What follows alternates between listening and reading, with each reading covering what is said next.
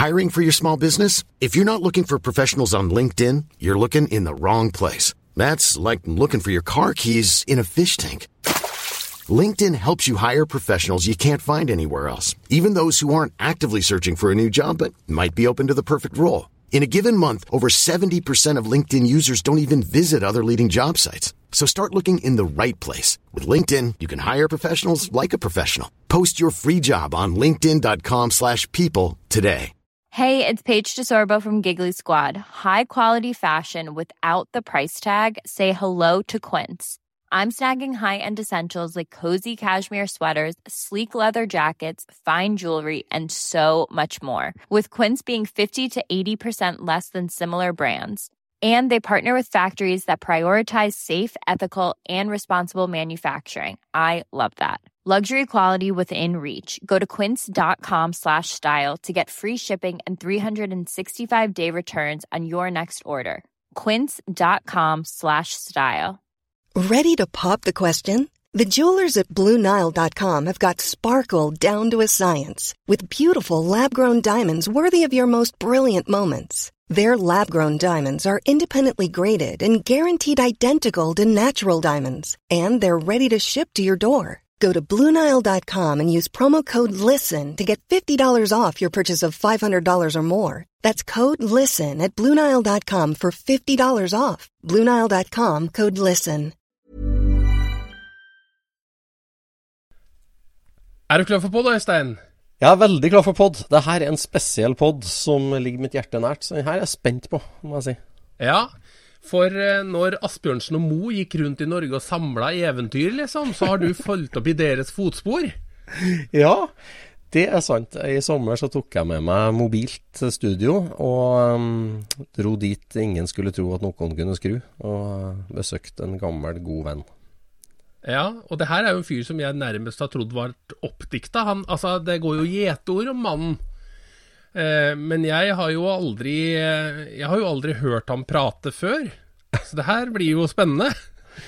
Ja, Nettopp derfor så var det så viktig å invitere min gode makker og gode, gode venn gjennom mange, mange år, eh, Olav Anders Kjelstad fra Fannremmen og Orkdalen som er en barndomsvenn av meg, som har vært med og påvirka min bilinteresse mye, og som har vært kilde til utallige reiser og historier og eventyr. Ja, her kan jo jeg lene meg tilbake sammen med de andre og høre på, på din fangst. Ja, for det er sjelden at uh, vi er ute på egen hånd. Jeg og du, Jon Roar, vi liker jo helst å operere som par, men nå var det bare jeg og Olav Anders Kjelstad.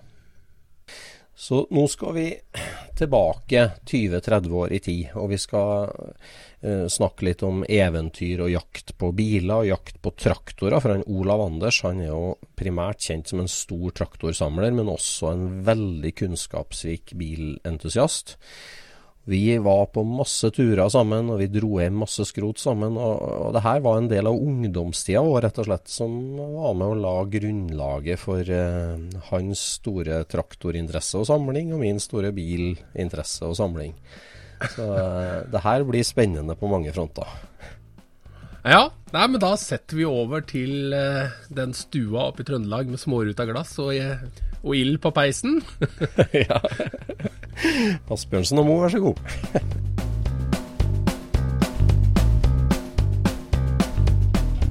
Du lytter nå til Scootspodden, en norsk podkast om klassisk bil med Jon Roar og Øystein.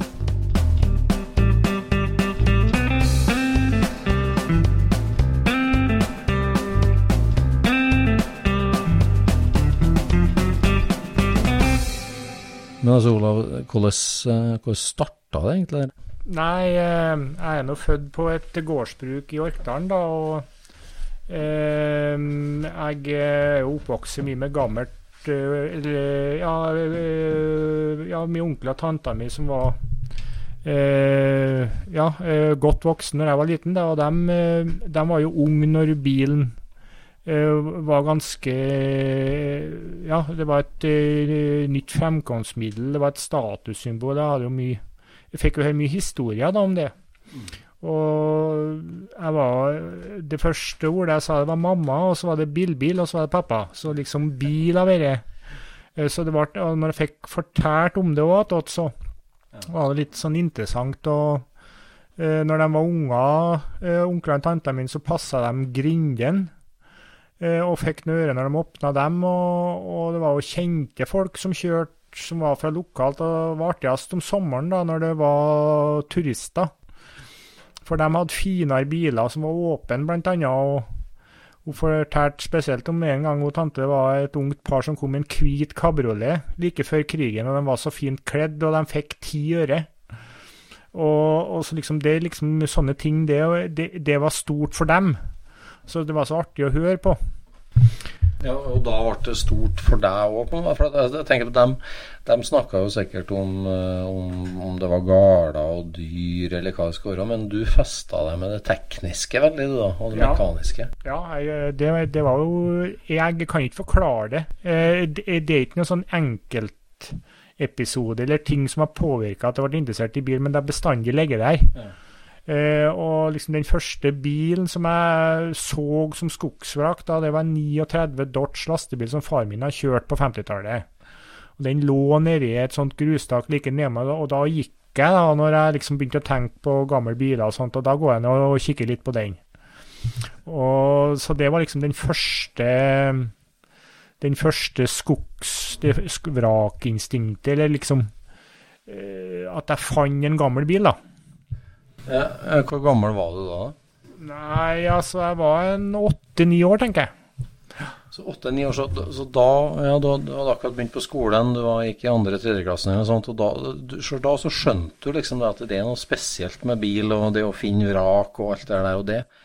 Um, så det ble jo starten på et helt liv med bil, egentlig, da, for deg.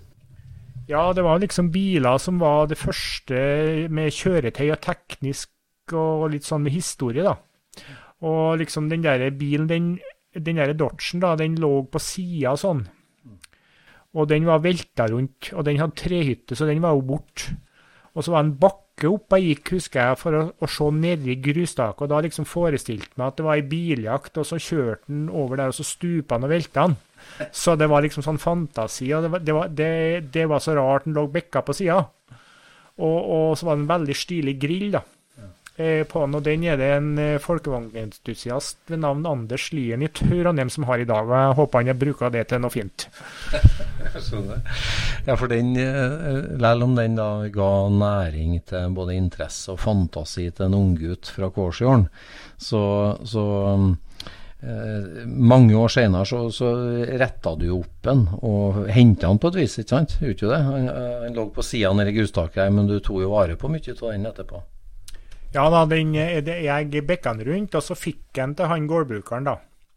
Uh, og så fikk jeg jo historien på hvorfor den var kommet dit, og de har kjørt opp i en stein med bunnpanna så at oljen rant ut og motoren skar seg. Ja. Og da var han bare dratt borti der det var først på 60, det var jo helt verdiløst, vet du. Uh, og før før der på den gården så hadde de en A-Ford lastebil, og det var første bilen far min kjørte. Og øh, var en historie med den. ja, Han sto alltid til bakkestart, for batteri var mangelvare etter krigen. og Så han husbonden var borte en dag, og så skulle han tjuvlåne den der far min, og så var det bakkestart. Og da gikk jo Kårsåsveien mye brattere ned da, enn det han gjør i dag. Og så fortalte han det far min, og var sjelden han fortalte historier, han, så det beit jeg meg merke til. og Han tilla mange meter, og han starta ikke, vet du. Han har fulgt med hvordan han Gårdbrukeren kjørte den. Men han, men han glemte bensinkranen. da. Han eh, kom på det til slutt, og da fikk han start på noe, så rygga han den tilbake der han sto så at han gårdeieren ikke skulle se at han hadde vært ute og kjørt. og Det var den første bilen han kjørte. og Den ble dessverre bygd om til traktorhenger. Bakakslingen eksisterer den dag i dag, og den går til Anders Erlien på Tolga, så bakaksjen ruller videre. Ja, Anders har jo restaurert ferdig sin AA, han, så den er jo i drift, den bakakslingen. da. Ja. Men jeg tenker på det, Olav. altså Du er født i 73. og altså, Nå snakker vi om tidlig 80-tall, egentlig, når du begynte å skjønne at du var interessert i bil. Uh, og Så møttes jo vi som tenåringer, men vi var vel uh, var vi en uh, eh, 19-20 år når vi møttes første gang? Ja, du kan si eh, Den første visuelle kontakten det var i 1990 på høsten. For da var du og far din opp til en andøl og så på den A-Forden. Og så så jeg, og, og da har jeg tenkt meg vei, for far min har fortalt at der står det en firkanta kasse inni. Uh, for han, far min kom i haug den bilen, var i drift da, for mor til han gårdbrukeren hun var lærer da, og hun kjørte forbi skolen til far min hver dag. Og det var uvanlig at en dame kjørte bil i 6-37.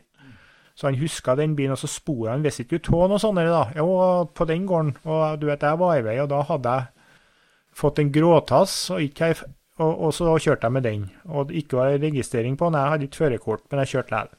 Aldri gått i dag. Og så så jeg det sto en rød for stasjonsvogn oppi gården der når jeg skulle til å kjøre opp, og så tenkte jeg nei, jeg må vente til besøket er ferdig. Og da husker jeg at det var du og far din da som kjørte, og så når dere kjørte, så så du opp en sidevei, og der sto jeg parkert med gråtassen og venta til dere har kjørt. Og så kom jeg, da, bare to minutter etter dere har reist, og så skulle jeg se på Forden. Så det ble, og det var i 1990, husker jeg. Det var i 1990, ja, så da var vi 17 år, jo da. Det, som du sier, var ikke gammel nok. Men jeg tenker da at ettersom vi ble kjent, altså det her er jo lenge før eh, internett og Google fantes. Og, og, du har jo for meg vært eh, liksom det med, det med å gå i dybden på det, ikke bare liksom bilen og skogsraket seg sjøl, men det å, å lese opp på det og lære deg det og kjenne det. Altså, du hadde jo chassisnummerserier og alt sånt i hodet veldig tidlig. Altså, jeg lurer på det, altså, Fra å være en åtte-ni år gammel gutt som drømmer om biljakt i det lokale grustaket. Altså, Hvor begynte du når du skjønte at interesser var så alvorlig som var? Altså for du har jo mye, alltid hatt mye bøker og litteratur og søkt ekte kunnskap. Ikke bare på en måte rykter og prat, men at du ville i dybden på det bestandig, Olav. Hvor, hvor starta du den der? Når, når, altså, når kjøpte du de første bilbok? for å si sånn? Nei, altså det må jo si at det begynte i, på biblioteket på barneskolen, da. Eh, for det var ikke mye bilbøker hjemme da, men liksom det var de historiene til gammelfolket på gården som liksom de, F.eks. at de skulle konfirmere seg hun eh, tanta mi i 1930, og da sparte hun og tre venninner i mange måneder for å få en tur med en åpen bil til og fra kirka. Og, og liksom det, den fascinasjonen. Men så kom jeg på skolen, og der var bibliotek. Og der var det noen eh, bilbøker, da. Eh, og da satt jeg og leste alt og lånte alt, og, og leste mange ganger, og var veldig interessant, syns jeg. Men jeg kan liksom ikke peke på hvorfor jeg syns det var interessant. Det, det, var liksom, det var bare der, og det var bare å ete på. Mm. Og så begynte jeg å lese noe som heter for Classic Motor i 87, tror jeg. Og det var Det bladet fant jeg på bensinstasjonen, husker jeg. Og, og siden er 87 så har jeg lest det, og, og så har jeg vært abonnent i 32 år. Og da liksom lærte jeg meg restaurering, hvordan de gjorde det. Altså jeg la som det, jeg la spesifikasjoner, så la, la seg språk. Eh, svenskene har jo litt annet språk og uttrykk. Og så litt annet, De var litt mer i dybden, dem da, syns jeg, og det var veldig mye å lære. Og så da i eh, 8 eller 89 så var det en klassekamerat av meg som sa at han visste en gammel bil. Og så, ja, hvor er den, da, jeg jo, da. Og så viste det seg det at vi hersa hvert år på den gården der. Og den bilen har vært 30 meter unna meg uten at jeg visste det i hele barndommen. Uh, og så sa jeg det at ja, da får du bli med meg. Det, det der tror jeg var sommeren i 80 88 eller 89. 89, tror jeg det var. Og da var jeg med en. Og så fant jeg en sånn adler, da. Eh, den etter hvert så berømte. Eh, og da var den Det var en sånn soptipp. Han sto nesten på 90 grader rett ned, stupa ut. Og det var så mye artige tanker hvordan jeg kom med dit, og var det ulykke, eller var de dumpa han, eller Og så sa han det, han, eh, at den der kan vi restaurere sammen. Og det var noe Men så øh, øh, ble det seg jeg berga da i høsten 89 sjøl, da. For han var jo så dårlig, vet du. Og da dro han hjem, husker jeg. Jeg hadde jo en annen gård den gangen, eh, nærmere den plassen den bilen sto. da. Så vi bruker en ettermiddag og vinsjen fram. Er veldig krevende. Og hjula gikk rundt og Ja. Og så eh, Etter hvert så bytta jeg bort den bilen. Jeg, jeg skrev en artikkel i Classic Motor, sånn, sånn, det var en sånn brevspalte, at jeg har fått tak i en sånn bil. Og da var det en som var så interessert at jeg bytta i en Chevrolet militærlastebil.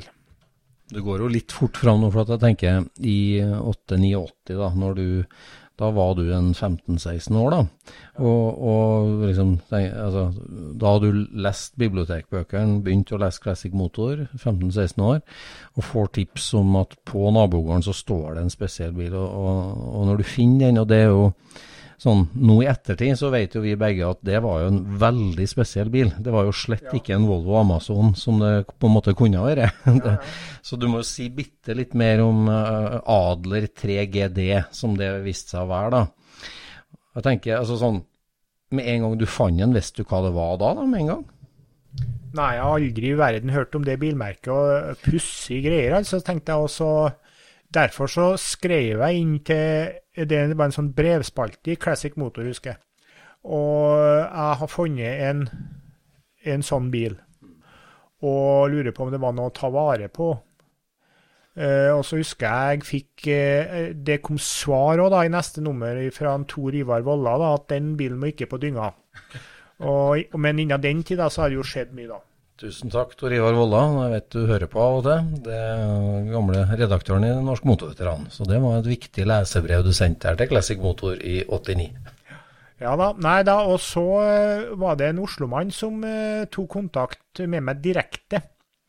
Uh, og han var interessert i å kjøpe den bilen der. Og så var jeg litt sta, da, for jeg syns det der var litt sånn jeg, jeg ville ha en bil i likere stand i bytte. Eh, for han var jo veldig dårlig. vet du, Var jo råtna rammer. vet du, og Det har stått ut seg først på 60-tallet, det der i vær og vind. Ja da, og så fikk jeg en omsider en, en kanadisk Chevrolet militærlastebil. En sånn en minnoverfram... Ja, det, det, blir jo litt rart, det der, men eh, Chevrolet C60 heter den vel. Eh, og eh, så ble det så vi bytta sommeren i 90 med den. Og da var det en sånn eh, motortransport eh, lastebil, for å si med sånn to etasjer, som henta han, da. Eh, og jeg fant jo ut etterpå da, at han var jo gått rett til Tyskland, ja, og da var jeg litt sånn skuffet over det, men i ettertid så viser det seg vel at det var kanskje ikke så dumt, for det, bilen har jo berga. Eh, og nei da, og så da dro jeg den Chevroleten fra Forve bro opp i gården, husker jeg, og det, det var litt uh, han var stor og tung, og rattet var på gærne sida. Han var jo brei, vet du. Eh, men det gikk da, det. Og, og eh, da tror jeg det var den første gangen du og jeg møttes, for da var det var du som observerte den, og så hadde du en kompis som heter Trond, tror jeg, som var interessert i militær, som du tok med deg. Og drev litt oppsøkende virksomhet. Det var jo før mobiltelefonen sin tid, det der. Og det var første gangen, og det tror jeg var i våren eller sommeren i 91. Ja, da var vi unge og lovende, Olav. Vi hadde akkurat fått førerkort. Eh, eller, ja. Jeg, jeg hadde akkurat fått førerkort. Jeg kjører allikevel. likevel.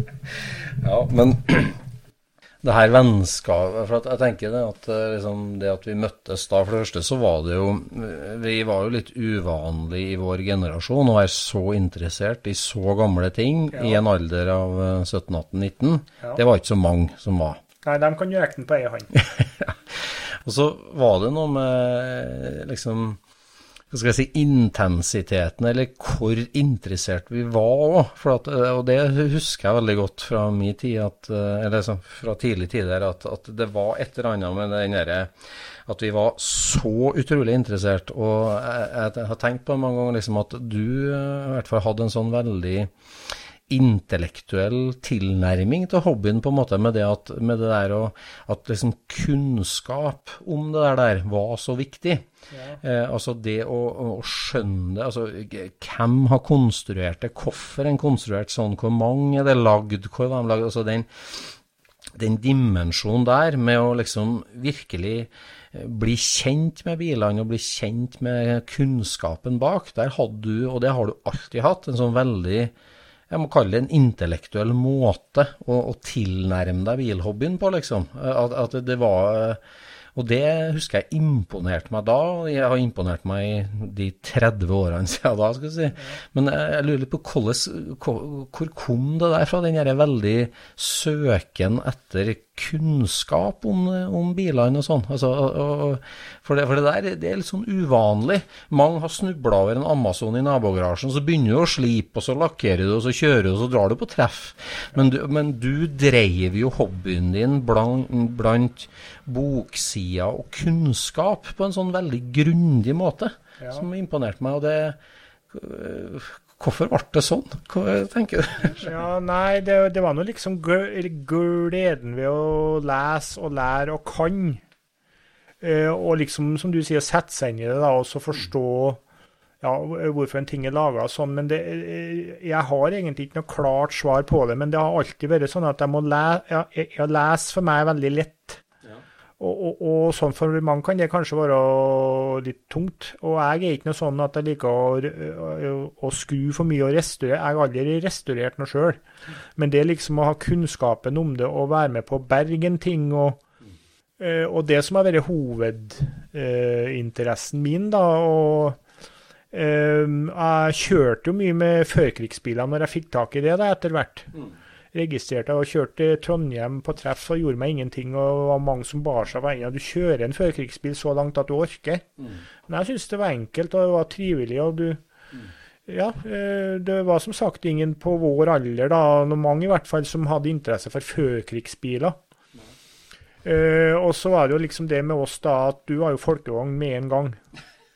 Uh, og jeg hadde ikke den store interessen for akkurat det. Eh, da. Jeg har jo hatt 54 folkevogn sjøl, bl.a., men det var mer sånn skal vi kalle det bruksbil, da. For jeg lå jo på førkrigsbiler og litt traktorer etter hvert, da. Nei, jeg, jeg, tenker jo litt sånn motsatt mest da på det, at, eller ikke motsatt, men uh, for at jeg er jo vokst opp med en låve full av førkrigsamerikanere. Og uh, i tidlige tider Altså, jeg jo, har jo snakka litt før på podkasten om hvordan min interesse altså Jeg var jo født inn i det, og det her med skogsrakjakt og låvebiljakt, det var jo noe jeg var med faren min på fra jeg var knøttliten. Sånn at det liksom var veldig naturlig for meg, den jaktdelen. Men i første tida når jeg begynte å jakte sjøl, så var det jo egentlig mye tidlig amerikansk. Altså vi henta jo Plymouta og, og Nashdale og forskjellig sånn sammen først. Så, så den folkevogninteressen kom jo for meg, ja, den kom jo egentlig der da i 92 egentlig, da, etter jeg kom hjem fra Amerika i 91. Så, så folkevogn var selvsagt veldig tidlig, men aller først så var det jo mye amerikansk. Og, og, du har jo alltid holdt tysk bil høgst, for jeg husker at helt når vi møttes, så var jo du veldig eh, tyskbilfokusert eh, helt fra start av.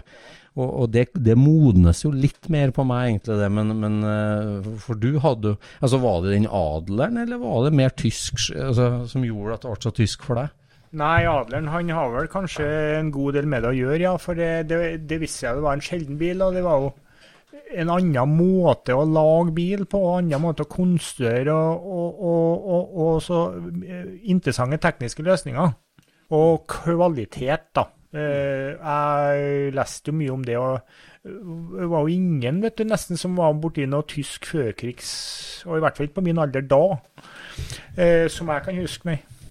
Nei, og det ble en veldig fascinasjon som Ja, det er jo du Jeg må jo skylde på deg en del på det at jeg havna så veldig i tyskbilsporet òg, for det ble jo veldig folkevogn på meg etter hvert, og seinere nå veldig, eller etter hvert, da, veldig mye bredt, bredere tysk interesse òg. Men så, du havna jo veldig Der jeg spora mer og mer mot tysk og folkevogn, så spora jo du mer og mer mot traktor òg, egentlig. da. Ja, altså det, det var Ja, skal vi skal si, da. Jeg fikk den første traktoren min for konfirmasjonspengene i 1990, og den har jeg ennå. Det er den eneste jeg har igjen av de gamle. Mm. Eh, men det gikk litt over på traktor, da, for jeg er jo født og oppvokst på gård. og liksom, Det var mye snakk om maskinene som tok bort slitet og, og sånn. Og da, da ble det litt avsporing fra bil. Så jeg har vel egentlig ikke noe kjørbar veteranbil før i 97-98, og det var en Ford Cortina fra 63. da, Den er jo ganske ny da, i forhold til det jeg var interessert i, men den var jo godt kjørbar. da. Så den brukte jeg jo i ja, tre-fire år som bruksbil, daglig bruksbil, sommer som vinter. Og, men det, det ble avsporing på traktor, da, men jeg har jo hatt uh, førkrigsobjektbil, og jeg har jo hatt kjørbare i, i, i senere tid, da. Uh, men det, nei, det er liksom Det er nå ting teknikken og sånt, men det er liksom en førkrigsbil, å være med på krigen, og det, det er liksom et skal vi kalle et medium som kan fortelle en historie, ikke bare om folk, men om ting rundt det. Um, jeg eide jo f.eks.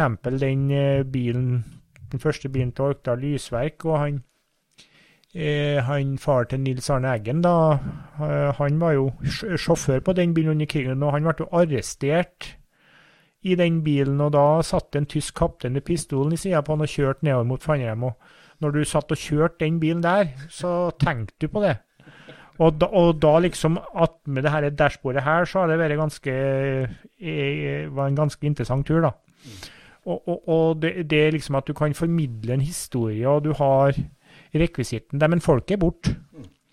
Eh, så det, det, det, er jo eh, mye med sånn førkrigs, da, for jeg, de fortalte jo en del om krigen, onklene og tantene mine, og det, og det var litt fascinerende på eh, det var jo veldig rar tid, da. Mm. Så når du ser en sånn, spesielt en tysk militærbil, så tenker du jo eh, Hva har den her vært med på? Og liksom sånn, da. Så det, det, det var ehm, det, det, var liksom det med sånn tysk Det var litt sånn spennende, da, kan du si. Det var liksom tabubelagt, og det var ikke så mange som drev med det. og mm. eh, det, det var litt sånn ekstra med det, syns jeg. Men øh, eh, amerikanske biler har jeg ikke hatt så mye av, egentlig. Eh, eh så eh, Men eh, nei, det, det, det, er vanskelig liksom å, å si noe sånn eksakt hva det er som er best da med hobbyen, egentlig. For det men, men nei, det er jo tilbake til de første turene. da, det er jo, Vi utfylte hverandre. Vi tråkka ikke hverandre på tærne, da kan du si. Vi hadde forskjellige interesser, men vi hadde samme spiriten. Ja, og det, der, der er jo liksom inn i altså De ti åra der da, der vi drev veldig intensivt fra 1990 til år 2000 omtrent, ja, da jeg flytta sørover.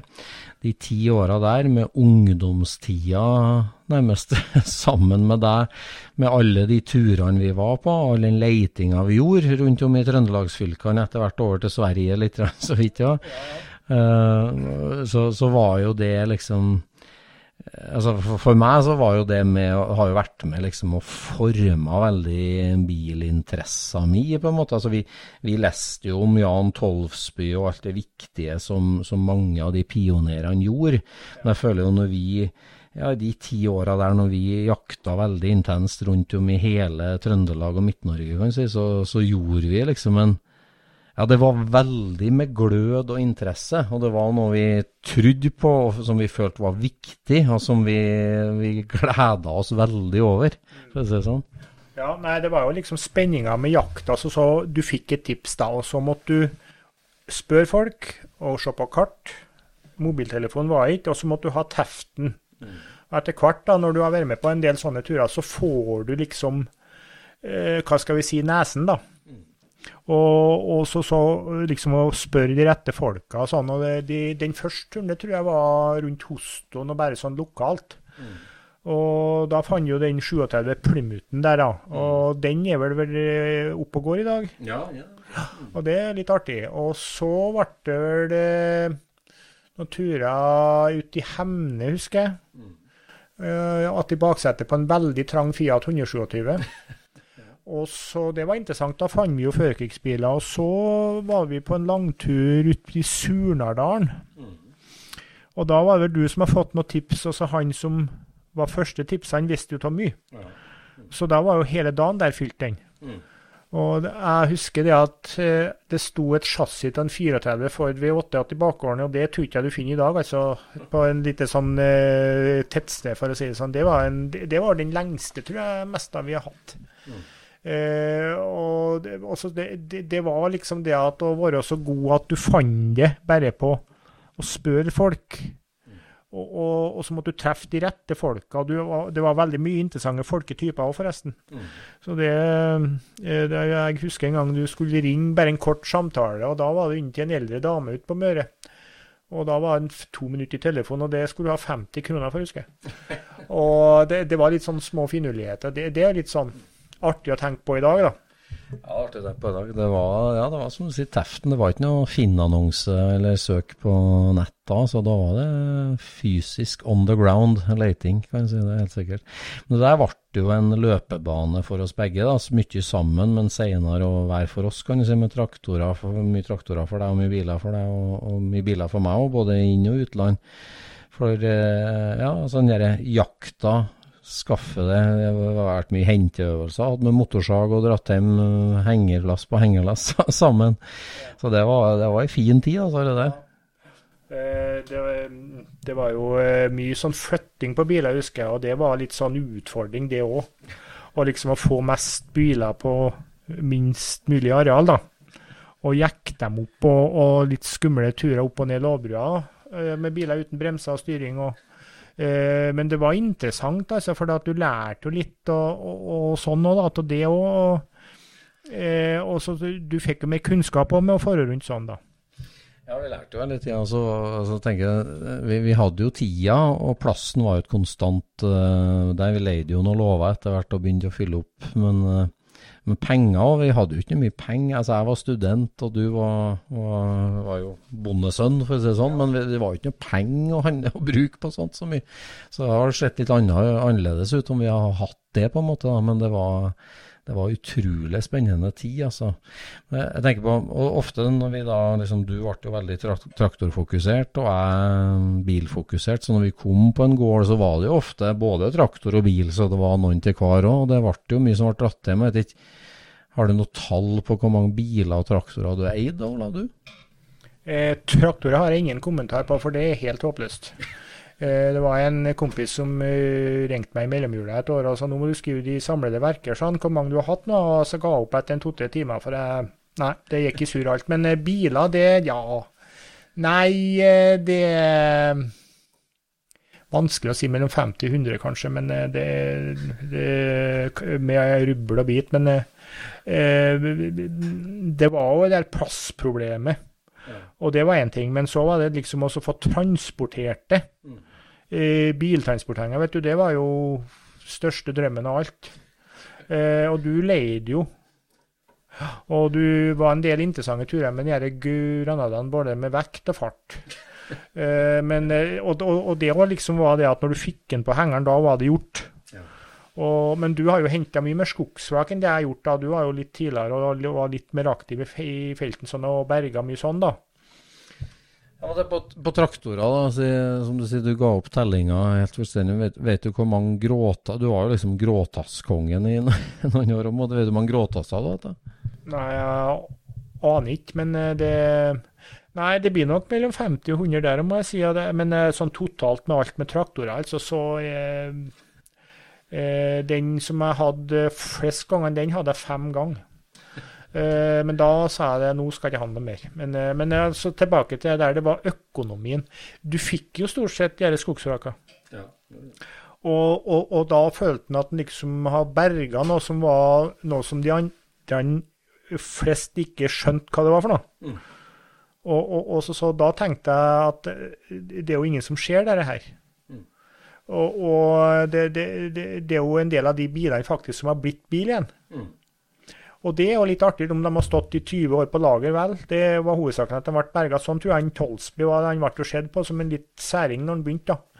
Med ja, for jeg tenker det, det med og, og, Det er mange liksom, som diskuterer det med liksom å samle for å samle, eller samle i haug og ikke få det til. Men, men for deg i hvert fall så, jo, altså, så var jo det der med kunnskapen om bilmodellen og bilmerket, og kjennskapen til historien til akkurat den bilen, og det å det å berge den og ta vare på den og gjøre på en måte det kulturhistoriske arbeidet, kanskje et av de viktigste delene av en, bils liv, altså når dens eksistens er trua, eller helt på slutten av livet, og blir berga for et nytt liv, det var jo hobbyen, eller er jo hobbyen for deg og for meg delvis. Og, og, og det å gjøre det sånn at måtte, du hadde jo ikke så vanskelig for å selge dem videre, eller bytte dem i noe annet, eller, eller jobbe deg oppover, eller ja, bytte ut stallen. For at den derre forskinga, grevinga, hentinga, berginga var jo det viktigste eh, av hobbyen på mange måter. Ja, da, i, i, i, hvert fall den tida. da, og jeg, Men som sagt, tilbake til den adelen, da, så husker jeg at jeg ble litt skuffet da når han gikk til Tyskland. Men når, når jeg tenker på det nå, så var det det beste, for nå er den jo restaurert i original stand. Ja, altså, akkurat den bilen må vi jo snakke litt med. for at Ikke bare var jo din første bil, og den var fra nabogården og alt sånt. Og det viste seg å være en Adler, som i utgangspunktet er et lite rart merke som du ikke visste hva var da, i alder av 15-16 år. Så var det en 3GD, og 3GD er jo en ganske stor firedørs jeep, en person transportbil fra krigen, som, en, som var en veldig eksklusiv eh, jeep. Altså for, for, lyttere som kjenner folkevogn, så Kybelvagen var jo den enkleste, billigste, spinkleste av alle de Og Adler 3GD-en var jo en av, en av, de største, kraftigste, i hvert fall av den jeep-firedørsmodellen på en måte fra krigen. Og en supersjelden bil i dag, som vi vel har telt opp nå ni-ti stykker igjen i hele verden. Og en sånn en plutselig sto du med, da. og det var, er jo en helt utrolig debutantbil. Så den 3GD-en uh, med så få i verden, så ja, ble, den ble plukka opp, du fikk bytta. Den gikk til Tyskland, og nå i seinere tid så har vi jo spora enda mer om hva som egentlig skjedde med den bilen. Det må du si litt om. Ja da, nei da, det, det viste seg at den gikk jo til Tyskland, og der var det jo flere eiere, da, og de restaurerte litt. Eh, og, og eh, skal du si hver, da. Og så eh, var han vel bygd fram for salg, tror jeg. Og da tror jeg det at den var kommet opp i Var det 80 000 euro, da? Jeg husker ikke, men han var i hvert fall veldig dyr. og Så plutselig så kom han til Moskva, og der er han ferdigstilt nå. Så det at egentlig, når du tenker på det, så er det òg en internasjonal hobby. For at eh, den tida når han var ung, da, vet du, så var han så idealistisk at alt skulle være i Norge og, og sånn og sånn. Men eh, et sånt skogsvrak det var det liksom ingen som ville våge seg på. Fordi at det var så omfattende økonomisk. Det var en uvanlig biltype. Mye måtte lages.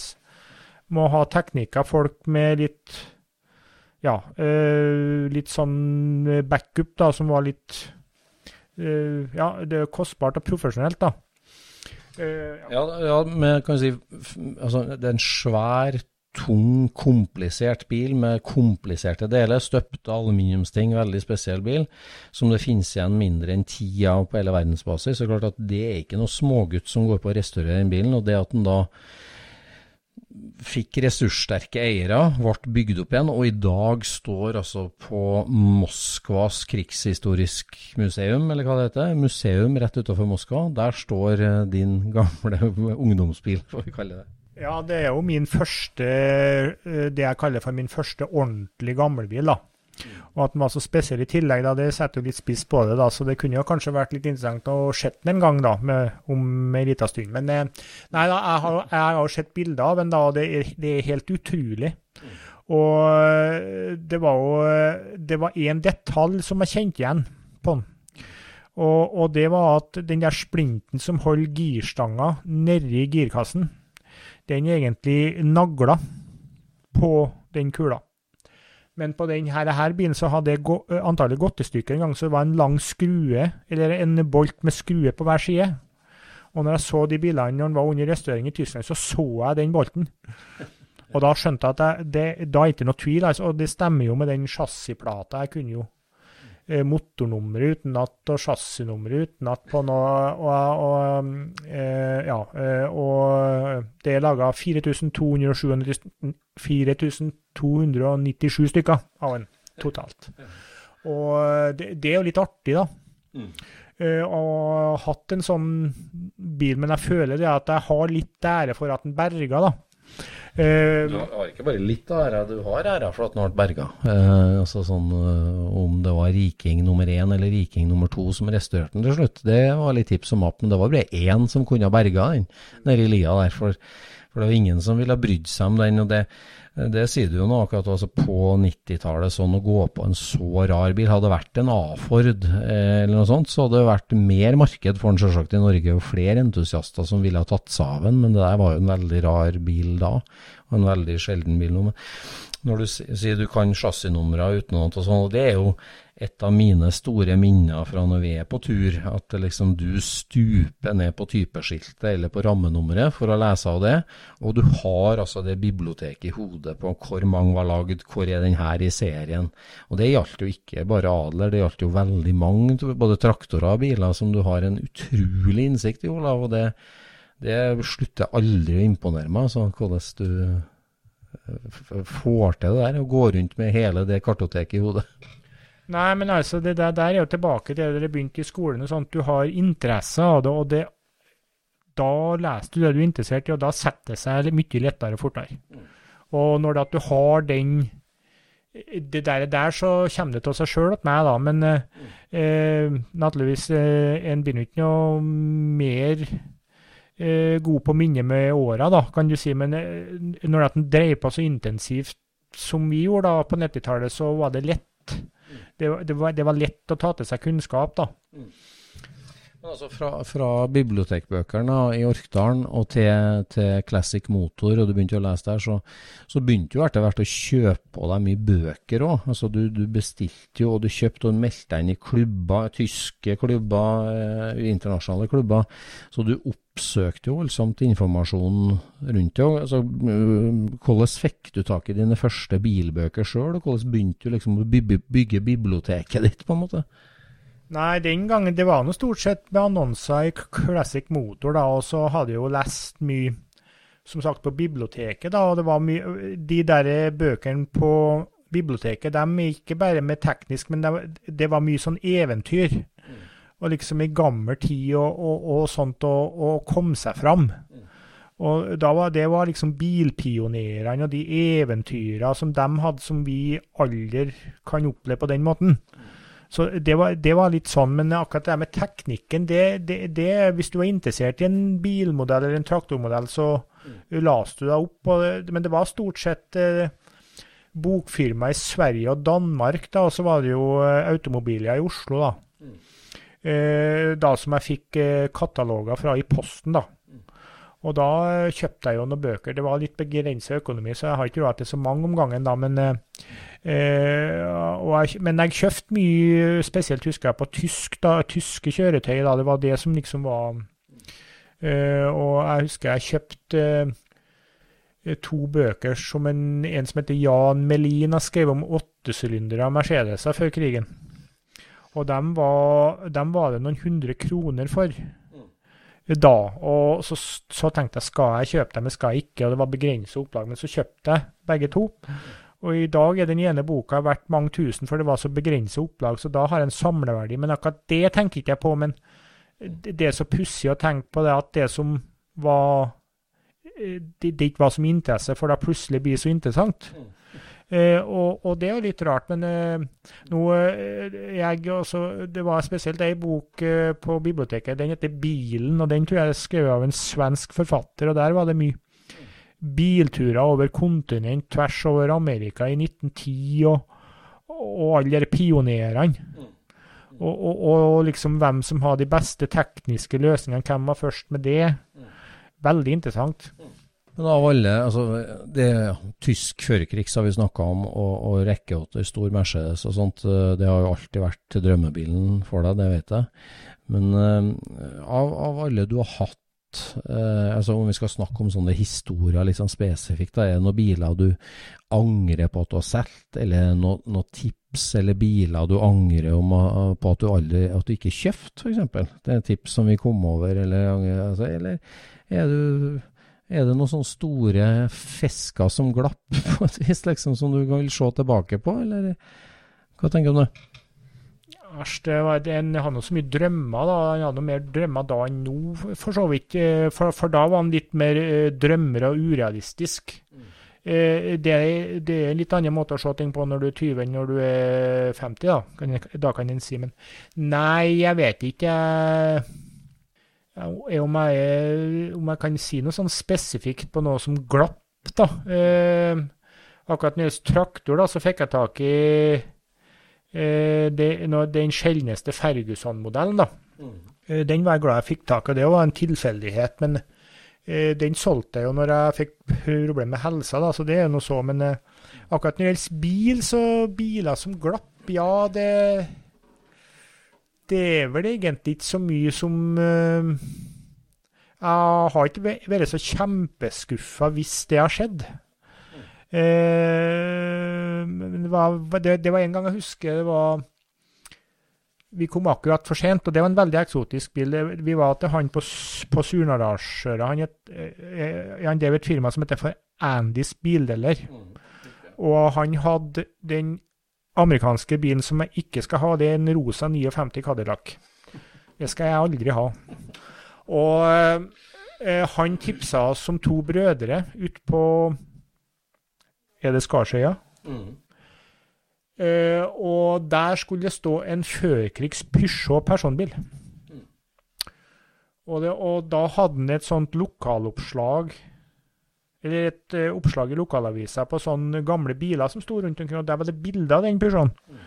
Og det var en sånn en med løkten bak grillen. Mm. Veldig sånn tøff bil. da. Mm. Så tenkte de, er det mulig at det finnes sånne òg, jeg tenkte. Og så kjørte vi med en gang. Mm når vi kom fram, da, så hadde de grevet ned den bilen bare ei uke eller to. Mm.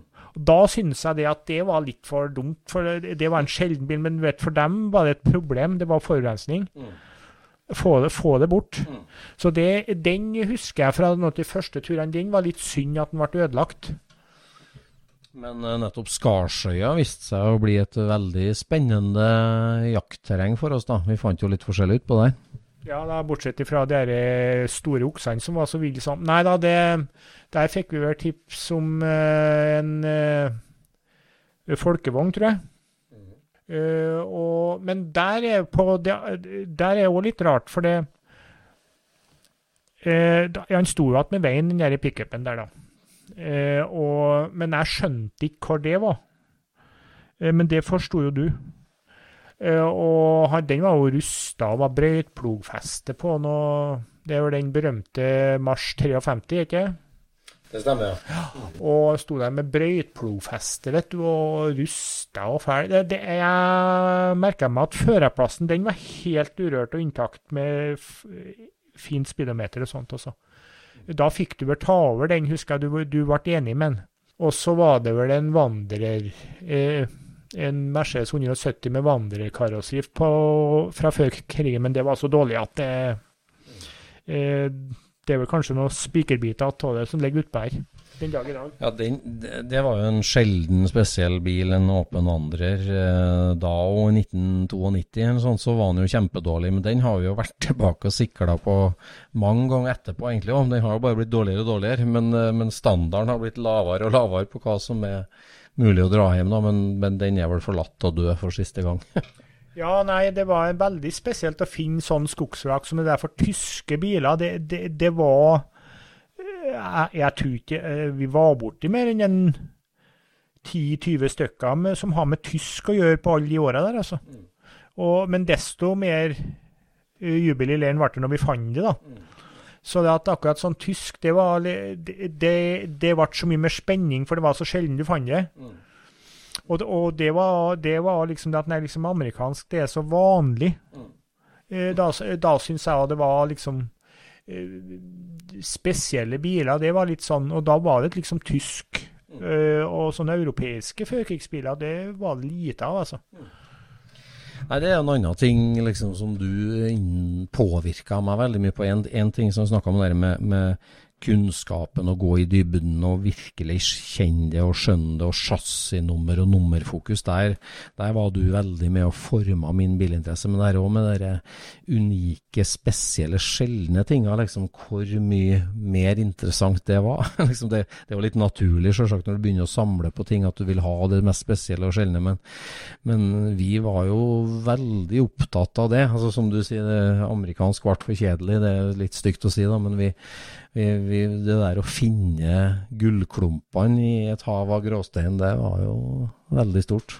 Ja, det, du kan jo si at uh, det er jo det som dreiv oss, da, å finne en urørt en som kanskje kunne kjøres som en var Eh, eh, altså urestaurert og patinert. Mm. Det var jo, det var jo toppen av kransekaken, da. Mm. Men det var sjelden, altså. Det, og det var mye interessante som sto, og for så vidt amerikansk. Og, da. Mm. Uh, og så var det noen eiere som var blide, og noen som var sinte. Og, ja. ja. Vi har blitt jaga fra gården, vi. Og jeg så på en 38 Willis i hvert fall. Husker jeg skulle hente noen deler der. Da kom det ei sint nabokjerring og jagde oss fra gården. Så husker jeg det var en veldig artig Det var en tysker som vi ikke gjorde noe med, den Borgward stasjonsvogna som sto i møkkakjelleren ute på Kirkeæterøra. Vet du hvordan det ble med den, egentlig? Ja, eh, Når det gjelder sånne biler som, som jeg tenkte mye sånn etterkrigstysk, så mente du vel det at når de har laga fronten, så ga de farken i bakenden, så at det var veldig mislykka, mente du. Design, altså. Men uh, uti der så sto det altså en rundt 51-52 Borgward stasjonsvogn, og den har gått på en butikk ute i Hemne. og Jeg husker det var, han sto halmes nedi, nedi vann. Men den har gått bare 4000 mil. Veldig pen fasong, syns jeg, da. Uh, og den skulle jeg være berga, da tenkte jeg. Men uh, jeg har ikke noe hjelp seg med, vet du. Og ikke han henger, og ikke kjente noen folk som kunne dra han ut. Og han var jo veldig rusta under, sikkert, vet du, stått i møkka der. og jeg var ikke en sånn tilsvarende en som far din tok bilde av på Varmstad, da? I et blad. Det er ikke så lenge siden det var skrevet. Det var maken bil. Ja. Vet du hvordan det gikk med den ute i frøkjelleren på Hemne der, da? Nei, jeg tror eh, det ble spiker av den. Altså. Dess, dessverre. Jeg hadde jo tilbud om å kjøpe en sånn bil òg. Mm. En personbil, og den begynner på 20 000, husker jeg. Mm. Og så kom den ned i 8000 eller 9000. Han var amatørrestaurert. og ja, da skjønner ikke jeg hvor jeg var hen, altså. uh, men, uh, men den, den er registrert i dag, tror jeg. Den var svart todørs, husker jeg. Det, det, er litt sånn tøft med delt rammerut, syns jeg. Altså, Vi opplevde jo mye sammen der. Jeg husker vi var Du var jo odelsgutt på en gård, og du var jo Det var viktig at du holdt deg i nærheten av uh, drifta og gården. Uh, så vi, vi reiste ut, vi hadde ikke så lang aksjonsradius, men vi kryssa jo grensa til Sverige noen gang. og Jeg husker veldig godt når det, det var jo din første utenlandstur, eh, Olav, når vi kryssa over oppe i Storlien-området der en gang. ja, nei, det var på høsten, var en fin høstdag, og da Eh, hadde du vel funnet et skogsvrak like ved grensa der, du, tror jeg eh, som vi så på var ei gammel boble. Og det var litt magisk, og det har jeg bilder ifra. Eh, jeg kommenterte vel denne husarkitekturen litt der òg. Jeg husker så godt vi, vi kjører og det hadde sett på. Det var jo en spennende bil, og en 50-mal sortak, en svart 50-mal sortaksbil. Og så kjørte vi over grensa en grusvei der og kom inn i Sverige, og det første huset vi så, så var det noen folk utom som var lasta opp i en Saab, eller hva var det, husker du kikka ut av glasset. Jeg ser det andre folkeslag, ja. Jeg ser det andre folkeslag. ja, så eh, kommenterte jeg vel eh, bøggestilen, at eh, det er tydelig vi har kommet over til andre land. Så, men, det, men, det, var litt artig. og Det, det, han, det der, der det vraket det lå nede med en sjø der. og mm. uh, ja, Det var jo ikke igjen noen ting, nesten. Det var noen sånn bittersmå deler. Mm. Og, og, så da husker jeg vi kjørte Duved, da. Uh, og det er jo litt pussig, for de siste dagene her så jeg lest litt om de karolinerne. De eh, starta jo felttoget sitt der. Og, og så at en er jo blitt interessert i andre historiske ting òg, ikke bare teknikk og kjøretøy. Ja, for det, altså Din historiske interesse er jo vi, og, og selvsagt spesielt på andre verdenskrig. Og du har jo vært til Tyskland flere ganger og oppsøkt både ørnerede og bunkere og forskjellig. og Det er jo en helt annen episode nesten av Scootspoden å gå gjennom, å gå gjennom alt der. Men jeg tenker litt på det med med utenlandsfarting. Da, for at du hadde jo en sterk drøm om å komme deg til Amerika, og komme deg til Hershey-markedet. Og for ti år siden omtrent så realiserte vi jo den drømmen sammen òg. Ja, du leder jo et, eh, et uthus av meg, du. Og så Der var det mildt sagt en, del, en god del folkevognting. Det var fullt så nesten ikke kunne gå, gå gjennom der. Eh, ja, og så skulle du tømme det der, du. Og da sa du det at neste år så har vi kjent hverandre i var det 20 år? Og så da, da har jeg tenkt meg til USA på Hershey, du med? Og så rakk du fram handa, så tenkte jeg denne sjansen får ikke jeg, så tok jeg deg i handa. Da bestilte du, ordna alt, visa ditt og datt, billetter, leiebil alt. Og så Det var nokså lettsindig, da, og sånn med det samme, syns jeg. Men så begynte datoen å komme nærmere, da. Da ble det litt sånn reisefeber og litt sånn. Men så eh, Vi fløy jo, da. Det var på oktober, det der. Og det, du fløy fra ettermiddagen, og så landa du til samme ettermiddag, og det gikk jo fint. Men du var jo trøtt. Vi kjørte jo eh, leiebil fra New York da. Eh, en sånn Dodge Charger, tror jeg. Og når vi snakker Amerika og gammelbil, altså, da, da snakker vi volum. Og vi var der i sju eller åtte dager, men vi så Jeg tror ikke vi så det halvveis av markedene i Bue der, og det var kjempevær hele tida, vet du. Og det er den likeste turen jeg har hatt, altså, for da hadde jeg liksom fokus på bil. Og så hadde jeg en som har bodd i Amerika, som òg var interessert i bil, som kunne alt det praktiske. Og var, bare å nyte. Og, og, nordmenn er jo godt ansett i USA, da, så det var veldig trivelig å vi var der, og så besøkte vi jo en folkevognkar, og så var vi to dager i New York til slutt. Veldig, fint, veldig fin tur, altså. Og det er vel den største og fineste reisa jeg har gjort, tror jeg. For alt sammen var perfekt. Ja, Vi koste oss jo på Hershey, og du handla jo mye mer enn meg på Hershey. Så vi bidro jo litt containerkiloene på norske containerne som gikk hjem det året. Ja, det jeg, jeg tenkte at det har vært artig å kjøpe med seg noe. Mm. Og så når det har gått en to-tre dager, så hadde du en bekjent du som drev og leste opp en 40-fotscontainer. Så var det et lite hjørne på den som de ikke har klart å fylle opp. Så tenkte jeg det at det var noen sånne, sånne stasjonærmotorer, sånne som var på gårdene i gammel tid, før det var strøm. da, De måtte jo ha noe å drive maskinene sine med. Og da fant jeg Det ble så kjøpt tre sånne små motorer. Og dem de kan en si de eh, finansierte den amerikaturen min, og de kom på museum. Mm. Uh, så det at jeg fikk en gratis tur, og så fikk jeg handla litt, og så gikk jeg null. Ja. Uh, ja, alt, så, så, en sånn tur kunne jeg, kunne jeg kanskje ha tenkt meg igjen, men mm. vi får nå se. det, det, det, var veldig interessant. Og, og, og, og der òg er det likeens som i Europa, dem som har kapital. Det er utrolig hva du kan gjøre med penger. Jeg vel sitere han som kommenterte Reodor Felgen. da. Eh, og det er artig å se at kapitalsterke folk gjør sånt for å bevare en ting. Det syns jeg er veldig fint. Eh, noen eh, kanskje gjør det ikke bare på det, med, på, det kan være pga. investering av kapital, det òg, men det, det, at du berger noe unikt. Det Jeg husker jeg var nede i noe som heter Tekno, klassika i Essen i 2014. Der var det en Maybach, var laga en titall stykker av akkurat den typen. Stått på Ålholm automobilmuseum i sin tid og uh, bygd et amatørmessig uh, karosseri, sånn replika. og Den sto der. Uh, ferdiglava karosseri sånn som den var da, og skulle være. Og den var pussa opp for var det ti millioner norske, og så hadde de vel betalt forferdelig mye for den ennå. Så skulle de prøve å selge den. Mm. Og Det er jo vanvittig, men du verden for en, for en flott bil som er unik. Det var en ti, som sagt en ti-tolv stykker. Mm. Og det er artig å se. Å se at det er folk som virkelig drar det så, så langt, altså. Mm. Og det må en vel kalle for entusiaster til gangs, altså.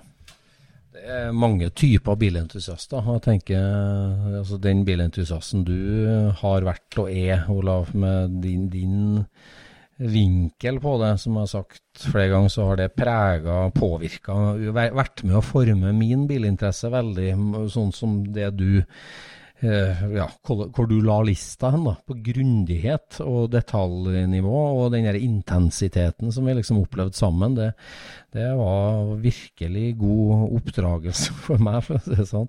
på det der, så det synes jeg er Hvordan er det med bilhobbyen i dag for dem? Hva er du mest interessert i nå, og hvordan driver du det helst i dag? Nei, altså jeg er veldig glad at det påvirker deg, så du eh, kommer deg ned på tysk du òg, da. Men eh, det liksom i dag så er det Nå har jeg ikke noe garasjeplass og noe sånt akkurat nå. Men eh, i senere tid så har jeg lest veldig mye om pionerene da før 1920. Ja. Og det er veldig Hvis du setter deg inn i det stoffet der, så er det veldig interessant. altså hvordan barriere det var å være pioner. og og, liksom å stå på For at eh, bilen ble ikke akseptert med en gang. Det var flere tiår, det. Mm. Før den ble akseptert. Mm.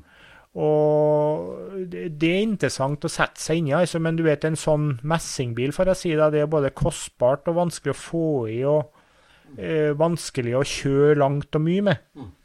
Eh, så det blir liksom bare men, men, det er så interessant å lese om det, og hvordan menneskene skal vi si eh, må tilpasse seg og, og liksom eh, Hva skal jeg si, da? Og, og, og, og, også lære den nye tid å kjenne, da. Mm. Ja, Da er jeg tilbake til det med tanta og onklene mine som passa grinsleene, som vi sier, eller grindene imellom gårdene. Mm. Og de så jo utviklinga der. Mm. Mm. Og, å se en bil for dem, da, vet du, det var som en drøm, det. Mm. Og jeg må si det at når jeg var med og satt på den B-Forden som uh, far din har, som han kjøpte i 68, da, så er han som eide den. Mm. Han kjørte veldig mye forbi utover der. ja, Så jeg, jeg, tenker at sikkert onklene og tantene mine har sikkert åpna grinda for den bilen. Så det, det, det, det, er litt, det er litt rart. Ja, det er rart. Og bilen eksisterer, folk er borte, men bilen er der. Mm. Og, og, og liksom når du vet det, da, så er det liksom uh, Men det er én ting som jeg syns er litt synd med den hobbyen, at jeg ikke har fått at jeg ikke har klart å restaurere noen ting. liksom. Mm. Den biten har jeg også liksom å sette i stand og overhale en ting, det har jeg liksom ikke vært min sterke side. så liksom det har liksom vært jakta. Det var jakta som var mest for oss. Mm. Og så jeg lest jo mye om det, og jeg syns det at det, lett, det, var lettere å lese da i bok å tilegne seg kunnskapen å sitte på en PC i dag. Mm. Ja. For det blir en annen måte, syns jeg, da. Mm. Eh, for da måtte du liksom slå opp katalog og sider, og, da, så, også, så, også så, måtte du gjøre mye for deg sjøl. Mm. mm. Og så oppdaga du ting mm. eh, på en annen måte, egentlig. Mm. Eh, for at Hvis du f.eks. skal reise en plass i dag, så bare trykker på noen knapper. Ja, sånn er det der, da går du den veien. og men uh, før i tida så måtte du liksom lære det sjøl, og finne fram sjøl. Du hadde ikke noe sånn uh, hjelpemidler som du har i dag. Så det, det, det har endra seg litt, altså. Så det, en annen holdt på med dette her i over 30 år nå, og det er veldig mye som har endra seg. altså det... Jeg, jeg, sa nå det den gangen jeg liksom begynte da, at når Toyota Corolla ble gammelbil, så skulle jeg skjule ut, men jeg, jeg er nå fortsatt litt inni det, da. Det, men, det, men, det, er jo gamle biler for dem som er unge i dag. Mm. Uh, så det at det Men uh, det, det er jo på en måte sånn, Ja, vi har gjort litt narr av det, men det, det, er jo en, en, veldig bra ting med bilhobbyen at den greier å fornye seg hele tida. Det kommer yngre folk til som er interessert i andre typer biler men, men, at man er interessert i bil. Ja. Og, og, nostalgi og tare på det gamle, kan du si. Hvis du hele tida har generasjoner som kommer til, og at, og at det er en, ja, en hobby i utvikling, da, så er det, det òg eh, bra. Alternativet har vært verre. Ja. Sånn. Nei, det er jo det som er med bilhobbyen, at det er jo fint det er så mange mennesker med, med, med så forskjellige interesser. Mm. Og en kan lære eh, veldig mye av hverandre sjøl, men har forskjellige interessefelt. Mm. Eh, for at eh, bilhobbyen altså, du treffer mye folk, du lærer mye. Mm. Får reise mye hvis du eh, har lyst til å få det til utlandet, da. Og det, det er klart at eh, det, Men eh, jeg ser sånne som er gamle biler, sånn skikkelig gamle, da, det, det blir jo eh, Det er ikke så mange som tar over her i Norge, da, kanskje som i andre land. Eh, Så sånne skikkelig gamle biler, det sånn som jeg liker, da, det blir litt sånn mindre. Men det er jo òg en naturlig grunn for at de som er unge, de kommer ikke i De husker ikke sånne biler i trafikk.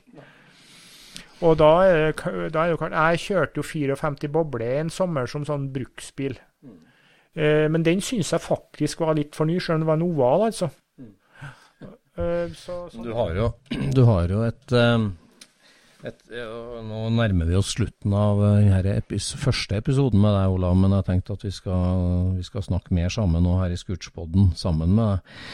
Men jeg, husker altså, En ting som du sier, når du er ordentlig interessert i noe, så er det lett å tilegne seg kunnskap. Men du har jo et fotografisk minne som aldri slutter å imponere meg, med at du husker på ting og detaljer og ting. og jeg synes når jeg da flytta til Østlandet i 99-2000, så på en av de første turene du skulle komme og besøke meg, det husker jeg veldig godt. For da, eh, da demonstrerte du til fulle det ufattelige fotografiske minnet ditt. For da visste du at jeg bodde på Vormsund. Det her var jo det var ikke før mobiltelefon, det var det ikke, men du visste jeg bodde på Vormsund. Og så dro du av gårde sørover og skulle besøke meg. Hvordan fant du fram?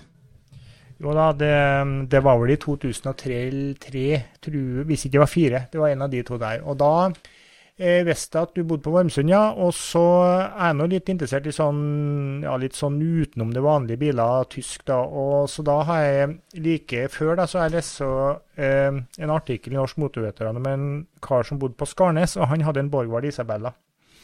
Og det er en 50-tallsbil som jeg kunne tenkt meg å eie. Og den bilen var sånn gråblå. Eh, og så, du vet, det var ikke noe navigasjon, kart eller sånt, og du sa jeg skulle kjøre Indre Østland, og det, det, sånn og sånn. Og, jeg, eh, og så kom jeg nå nedover Indre der, og så tenkte jeg nå tror jeg jeg kjører feil. Men så plutselig så kom den der bilen der, eh, kjøreren i et kryss foran meg. Og så tenkte jeg ja vel, Skarnes det er ikke så langt, og det var jo der jeg skulle ta av mot Nøystein. Og så sa jeg tenker hvis jeg legger meg på hjul bak den der nå, så kom jeg frem og ganske riktig kom på Skarnes, og da var det plankekjøring, så det Husker du regnummeret på den i dag? eh, Nei, det gjør ikke jeg faktisk, så det skulle, det skulle ikke jeg spurt om. Det, det har noe med, jeg tror det har noe med alderen å gjøre. Nei, iallfall jeg husker, for at jeg, eh, jeg var så fokusert, for at nå må ikke jeg kjøre feil. Men så når jeg så den, så kobla jeg det, for at det er ikke så mange av den fargen nedover her, altså.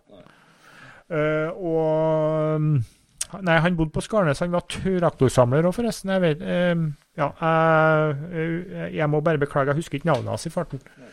Men eh, det var nå en sånn eh, litt, eh, litt artig detalj, da. Så Ja, ja. da fant du fram. Og det var veldig hyggelig at du kunne ta deg tida til å være med litt på podkast òg. Det, det, det var første gang, men det blir ikke siste gang.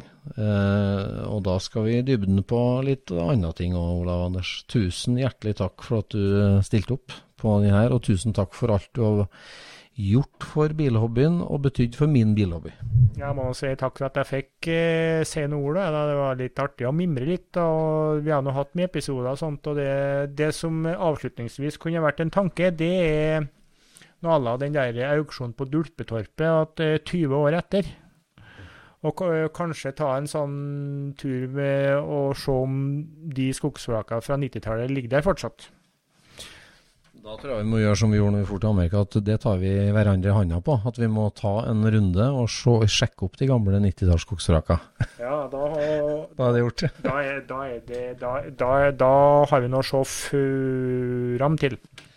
Bare finne fram de gamle listene og gamle kartene våre. For vi lagde en del notater når vi for rundt, så det her blir en fin tur. Ja, det, det, det, det, det er alltid artig å lete etter og du blir, du blir jo aldri rå... Altså, det, det er så mye rart som står ennå. Men det som er problemet, det er at vi mangler ei maskin som gjennomlyser gamle lover. Det er det, da. Så den, eh, den er ennå ikke oppfunnet. Nei, så det er jo den vi går og venter på. Yes. Ja, eh, tusen takk for at jeg fikk eh, si noen ord om eh, hobbyen, og håper mange flere eh, vurderer å bli entusiast på gamle biler. For det er en veldig trivelig hobby. Eh, takk for meg. Det var gode siste ord. Da sier vi takk fra dagens episode.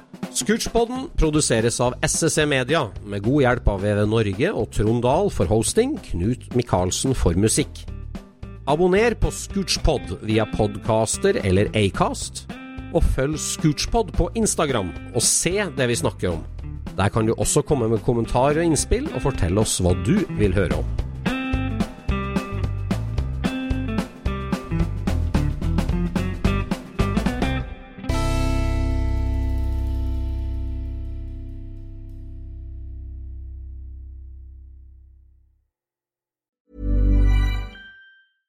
Imagine the softest sheets you've ever felt. Now imagine them getting even softer over time. That's what you'll feel with Bowl and Branch's organic cotton sheets. In a recent customer survey, 96% replied that Bowl and Branch sheets get softer with every wash. Start getting your best night's sleep in these sheets that get softer and softer for years to come. Try their sheets with a 30-night guarantee. Plus, get 15% off your first order at bowlandbranch.com. Code BUTTERY. Exclusions apply. See site for details. Even when we're on a budget, we still deserve nice things. Quince is a place to scoop up stunning high-end goods for 50 to 80% less than similar brands. They have buttery soft cashmere sweaters starting at $50, luxurious Italian leather bags, and so much more. Plus, Quince only works with factories that use safe, ethical, and responsible manufacturing. Get the high-end goods you'll love without the high price tag with Quince. Go to quince.com slash style for free shipping and 365-day returns. Even when we're on a budget, we still deserve nice things. Quince is a place to scoop up stunning high-end goods for 50 to 80% less than similar brands. They have buttery soft cashmere sweaters starting at $50, luxurious Italian leather bags, and so much more. Plus, Quince only works with factories that use safe, ethical, and responsible manufacturing. Get the high-end goods you'll love without the high price tag with Quince. Go to quince.com slash style for free shipping and 365-day returns.